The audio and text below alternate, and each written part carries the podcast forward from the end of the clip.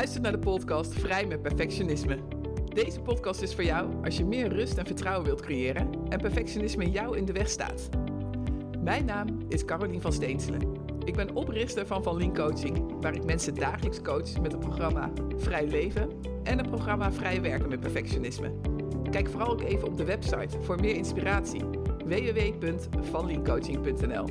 En nu snel over naar het onderwerp van vandaag. Hallo en welkom. En super leuk dat je weer luistert naar een aflevering van de Vrij met Perfectionisme podcast. En super leuk hoeveel reacties heb gekregen over de lancering van mijn eerste drie afleveringen. En het allerleukste vind ik om te horen welke inzichten er al op zijn gedaan. En dat sommige mensen ook wel de oefeningen hebben gedaan en wat dat met ze heeft gedaan. Superleuk dus als je dat blijft delen met mij. En ja, vandaag wil ik het hebben met jullie over fouten maken. Hoe zit dat eigenlijk bij jou? Durf jij makkelijk foutjes te maken? Of vermijd je die liever door bijvoorbeeld de schuld af te schuiven of nou ja, er maar zo min mogelijk over te hebben? Of misschien ga je wel bepaalde uitdagingen helemaal niet aan. Nou, bij het voorbereiden van deze podcast moest ik denken aan een situatie waar ik, wat, wat zich vorig jaar afspeelde. Huilend kwam mijn dochter uit school en ik vroeg haar wat er aan de hand was. Ik kan het niet, zei ze, ik kan het niet. Nou, ik vroeg, wat kan je niet? Ja, netjes schrijven. Wat, wat gebeurt er dan? Nou, ik kan niet netjes tussen de lijntjes schrijven en van de juf moeten we ons best doen en tussen die lijntjes schrijven. De letter O is niet netjes genoeg, mama. Wanneer ik een handschrift zie in haar schrift, schrik ik eigenlijk een beetje. Want ik zie iemand die lekker bezig is met het leren schrijven van de letter O. En het ziet er nog eens heel netjes uit ook nog. Het goed willen doen, het goed willen zijn, het goed moeten doen, geen fouten maken. De lat ligt zelfs voor mijn dochter van zeven jaar al zo hoog. Maar het gaat dus niet om hoe netjes het iets is, maar eigenlijk gaat het over durven te leren en durven, en durven van fouten maken. En het is vooral ook het leren om om te gaan met het ongemak wat zich dan aandient bij het maken van fouten. Maar ik vraag me dan wel af, hoe kan een kind van zeven jaar al zoveel angst hebben bij het maken van fouten? En ik weet ook dat ze niet de enige is. En misschien herken jij ook wel zo'n situatie. Maar hoe ontstaat dit dan? Nou, laten we eerst eens even kijken naar onze opvoeding. Nou, in ons leven lopen we veel pijnervaring op. En dat is normaal en onvermijdelijk. Het zit hem eigenlijk in de kleine dingen, vooral in onze opvoeding. En ik wil je eens meenemen. Stel je eens voor, je bent in je ouderlijk huis en je speelt in de achtertuin van jullie huis. En je vindt een hele bijzondere steen. Je rent naar binnen omdat je deze unieke fonds wilt delen met je moeder. Enthousiast en blij ren je naar binnen en je moeder zegt met een hele harde en boze toon: Niet met je vieze voeten op de vloer naar binnen. Ik heb net alles gedweld. Nu moet ik alles weer opnieuw dweilen. Denk toch eens na. En dit doet pijn omdat je wordt afgewezen. En omdat wij mensen kunnen denken, willen we het de volgende keer niet fout doen. Zeker niet in de ogen van onze moeder. Waarschijnlijk denk je de volgende keer na voordat je naar binnen rent om iets te vertellen aan je moeder. Je enthousiasme wordt hierdoor al iets geremd. En wanneer dit soort momenten vaker gebeuren, ren je misschien helemaal niet meer naar je moeder toe om iets te delen, om die teleurstelling te voorkomen. Ja, en zo kan er dus een deel ontstaan in ons dat het eigenlijk altijd goed wil doen en geen fouten wil maken. anders word je weer afgewezen. Er wordt dan een soort beschermer in jou geboren die voorkomt dat je nog een keer wordt afgewezen en zal daarom altijd goed willen doen. En die beschermer zou zomaar jouw perfectionist kunnen zijn. En naarmate we dus ouder worden en we successen boeken met deze beschermer in ons, hè, die helpt ons immers te overleven, oftewel het voorkomen van die pijn en die afwijzing, kan het soms dat hij iets te veel het leven overneemt in jou. Hij neemt zijn taken dan serieus en het komt op de gekste momenten oppoppen, zonder dat je het echt doorhebt. Zijn intentie is echt heel goed bedoeld, want hij wil je immers voorkomen dat je wordt afgewezen. Maar in het dagelijks leven werkt het niet meer zo en heb je er zelfs soms een beetje last van. Nou, tijdens coaching kun je erachter komen waar die je voor beschermt, maar ook hoe je die dan wat minder ja, achter het stuur van jouw leven kan laten zitten. In onze jeugd ontstaan veel van deze delen, dat is heel normaal. Zo heb ik ook een deel ontwikkeld dat bang is. bang is voor mijn moeder of mijn vader die boos op me wordt. Of zou kunnen worden omdat ik wat verkeerds heb gedaan. Nou, dat is dus heel normaal en ik heb verder geen absurde situaties als mishandeling of iets dergelijks meegemaakt. Maar ik heb daar wel een duiker ontwikkeld. Ik wachtte veel af. Ik keek de kat uit de boom, wachtte tot anderen de leiding gingen nemen. En dat deed ik dus allemaal om te voorkomen dat ik het fout deed. Het is dus heel normaal dat we die delen ontwikkelen, maar het wordt vervelend als dat steeds zo in jouw leven gebeurt. En je daardoor dus geen fouten meer durft te maken. En in het onderwijs, daar, daar draagt, dat draagt ook bij aan het niet durven van fouten maken. Ik las laatst een stuk van Harold Beckering. En dat ging over ons onderwijssysteem, dat dat niet werkt. En wat ik zo mooi vond aan dat artikel is dat we kinderen leren om naar het einddoel te werken. dus bijvoorbeeld dat goede cijfer waar ze naartoe werken. Op deze manier leren we dat, we dat ze dat ene dan heel goed en zo goed mogelijk leren om een voldoende of nog meer te scoren. Want als je een voldoende of meer hebt, dan heb je het goed gedaan. En als je dat niet hebt, dan heb je het niet goed gedaan. En zo vertelde een coachie laatst over haar dochter, die nu in de eerste klas van de middelbare school zit, dat ze leert van toets naar toets. En toen ze over een onderwerp iets aan haar vroeg, hè, omdat ze dat vroeger altijd heel interessant vond, zei ze: Maakt niet uit, mam. Ik moet leren en dat is genoeg. Verder doet het er niet toe. En dan kan ik lekker door naar de volgende toets. Nou, het activerend leren, waar hij dus zo'n voorstander van is, valt er eigenlijk helemaal bij weg. Want bij dat activerend leren leer je dus vanuit je eigen nieuwsgierigheid te leren en te kijken en te onderzoeken. En dat lijkt dan op deze manier helemaal geen ruimte meer te krijgen. je hebt iets gehaald, dus je hebt het goed gedaan, of niet gehaald, en dan heb je het niet goed gedaan.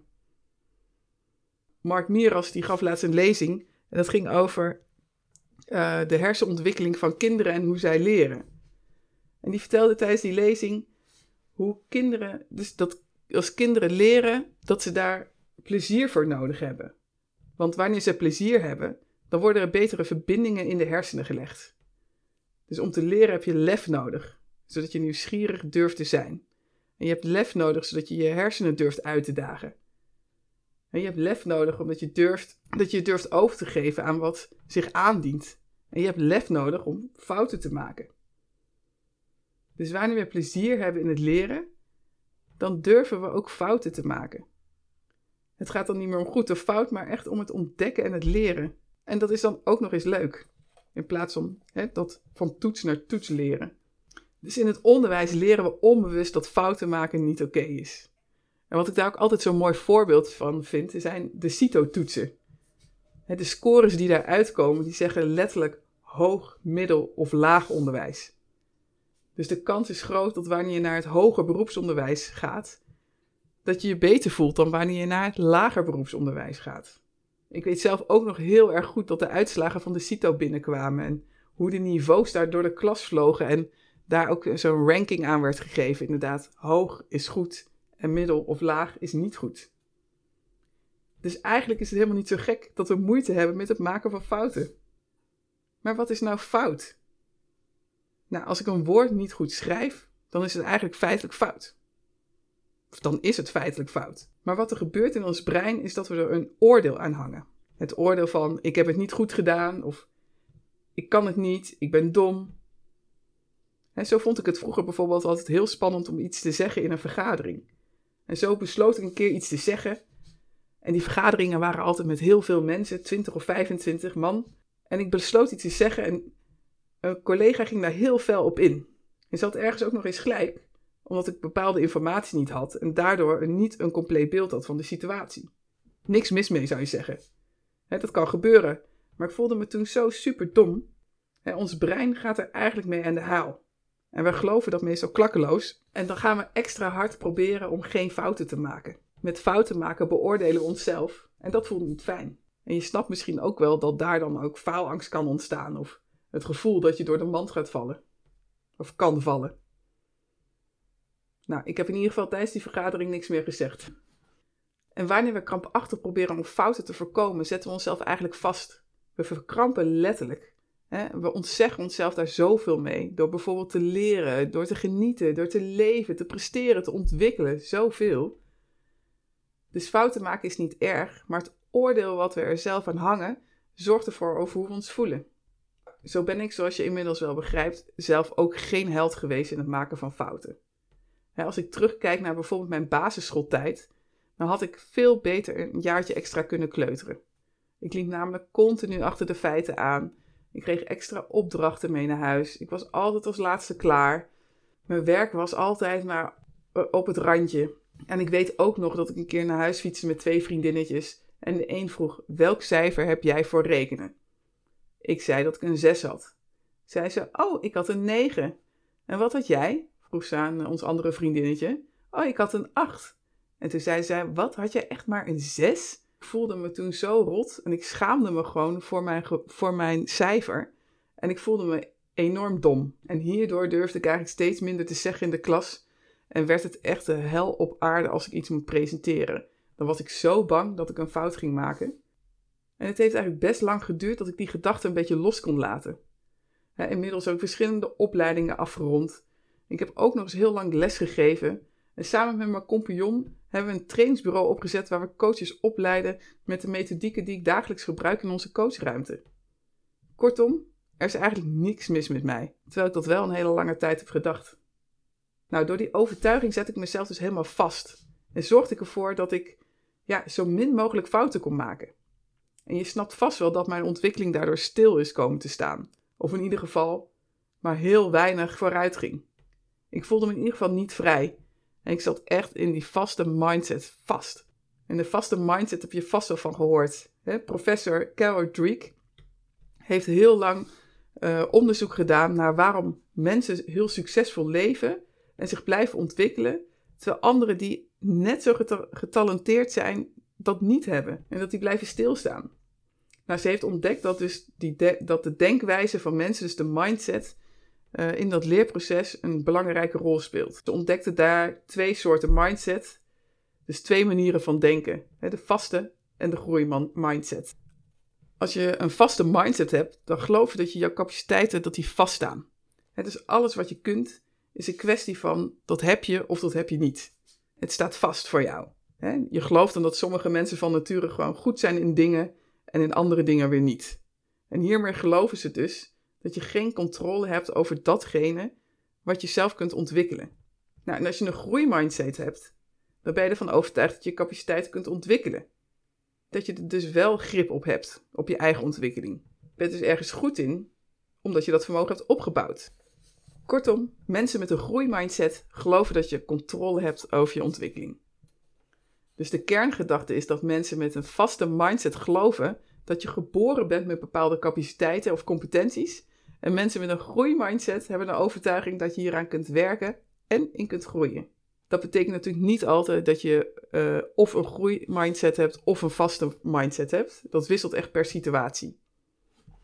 Maar je snapt misschien wel dat als je een vaste mindset hebt, dat dat niet bevordert om fouten te maken. Dat je gelooft dat je bijvoorbeeld ergens goed in bent of niet. Ik geloofde dat ik niet goed was in leren en daarom dom was.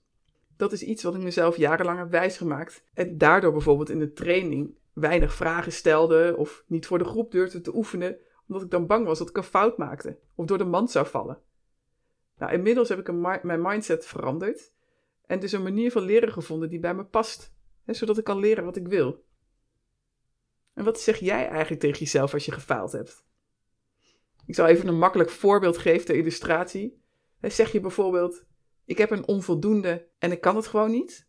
Of zeg je: Ik heb een onvoldoende, want ik snap de stof nog niet goed genoeg? Hoor je het verschil tussen de twee mindsets? Dus wat zeg jij tegen jezelf als je gefaald hebt? En weet je hoe dat is ontstaan? Nou, voel je vrij om de podcast even te pauzeren en hier heel, heel even over na te denken. Je snapt misschien nu wel dat het waardevol is om fouten te leren maken. En dat we leren om plezier te krijgen in onze foutjes maken. Want als we meer plezier kunnen ervaren in het maken van fouten, dan kunnen we ook de gevoelige fouten beter dragen. En het haalt ons uit de vaste mindset. Want stel je eens voor dat je gewoon fouten kunt maken en daar plezier in kan ervaren. Of een drive in je kan voelen om iets te leren en je beseft dat je door die fout die je hebt gemaakt, je alleen maar weer groeit. En dat je kunt toestaan om jezelf de ruimte te geven om de ongemakkelijke gevoelens die erbij komen kijken gewoon te ervaren zonder dat je er dagen last van hebt. En het lukt mij inmiddels steeds beter. En dat maakt het leven ook zoveel lichter en leuker. En natuurlijk gaat het niet van de een op de, een op de andere dag. Ik heb er ook echt heel lang aan gewerkt om hier te komen waar ik nu ben. En ja, en soms vind ik het ook nog moeilijk. Maar inmiddels heb ik er ook nog wel plezier in gekregen om zo af en toe een foutje te maken. En het brengt me gewoon naar waar ik wil. Nou, als je het leuk vindt, dan kun je misschien vandaag al een stapje zetten in een klein beetje meer plezier ervaren in je fouten. En daar heb ik een leuke oefening voor, of eigenlijk twee. De eerste is een expres foutje maken. Dus ga aankomende tijd eens expres foutjes maken en lach daar dan om. Natuurlijk geen fouten die grote gevolgen kunnen hebben, maar gewoon om er eens mee te experimenteren. Dus bijvoorbeeld uh, tik een glas om waar nog water in zit, of laat iets uit je handen vallen, doe je haar verkeerd, of eten in een kom scheppen in plaats van op een bord, uh, je jas verkeerd om aan. Nou, noem maar op, er zijn zoveel foutjes te verzinnen, expressfoutjes. nou, het is ook vooral heel leuk om dat met anderen te doen, met een collega of uh, met mensen uit je gezin. Want op die manier kun je meer met elkaar lachen. En het doel van deze oefening is om je hersenen te leren dat fouten maken oké is. En dat je daar een beetje flexibeler mee leert omgaan. Nou, en dan heb ik nog een leuke oefening. Elke keer wanneer je een fout maakt, maakt geef jezelf dan al applaus. Ook deze oefening is leuk om samen met iemand anders te doen. Want daarmee moedig je elkaar aan en jezelf ook vooral om fouten te mogen maken. En dat dat helemaal oké is, omdat jij helemaal oké bent. Nou, heel veel plezier en super leuk als je je ervaring met mij wilt delen. En heb je nog vragen naar aanleiding van deze podcast? Vind ik het ook super leuk als je het met me wilt delen. En wil je de oefening nog eens nalezen? Nou, kijk dan even op mijn website van leancoaching.nl onder het kopje over perfectionisme en ga dan naar gratis. Nou, de volgende keer ga ik het hebben over de, de kritische stemmen in ons oftewel de innerlijke criticus, en hoe we daarmee om kunnen gaan. Heb je vragen? Let me know. Tot de volgende keer.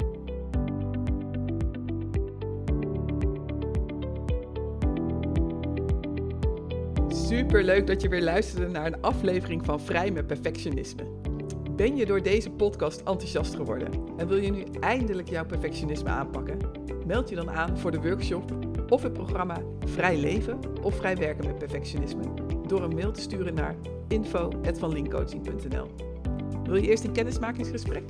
Plan dan een afspraak in op vanlinkcoaching.nl slash gratis-kennismaking.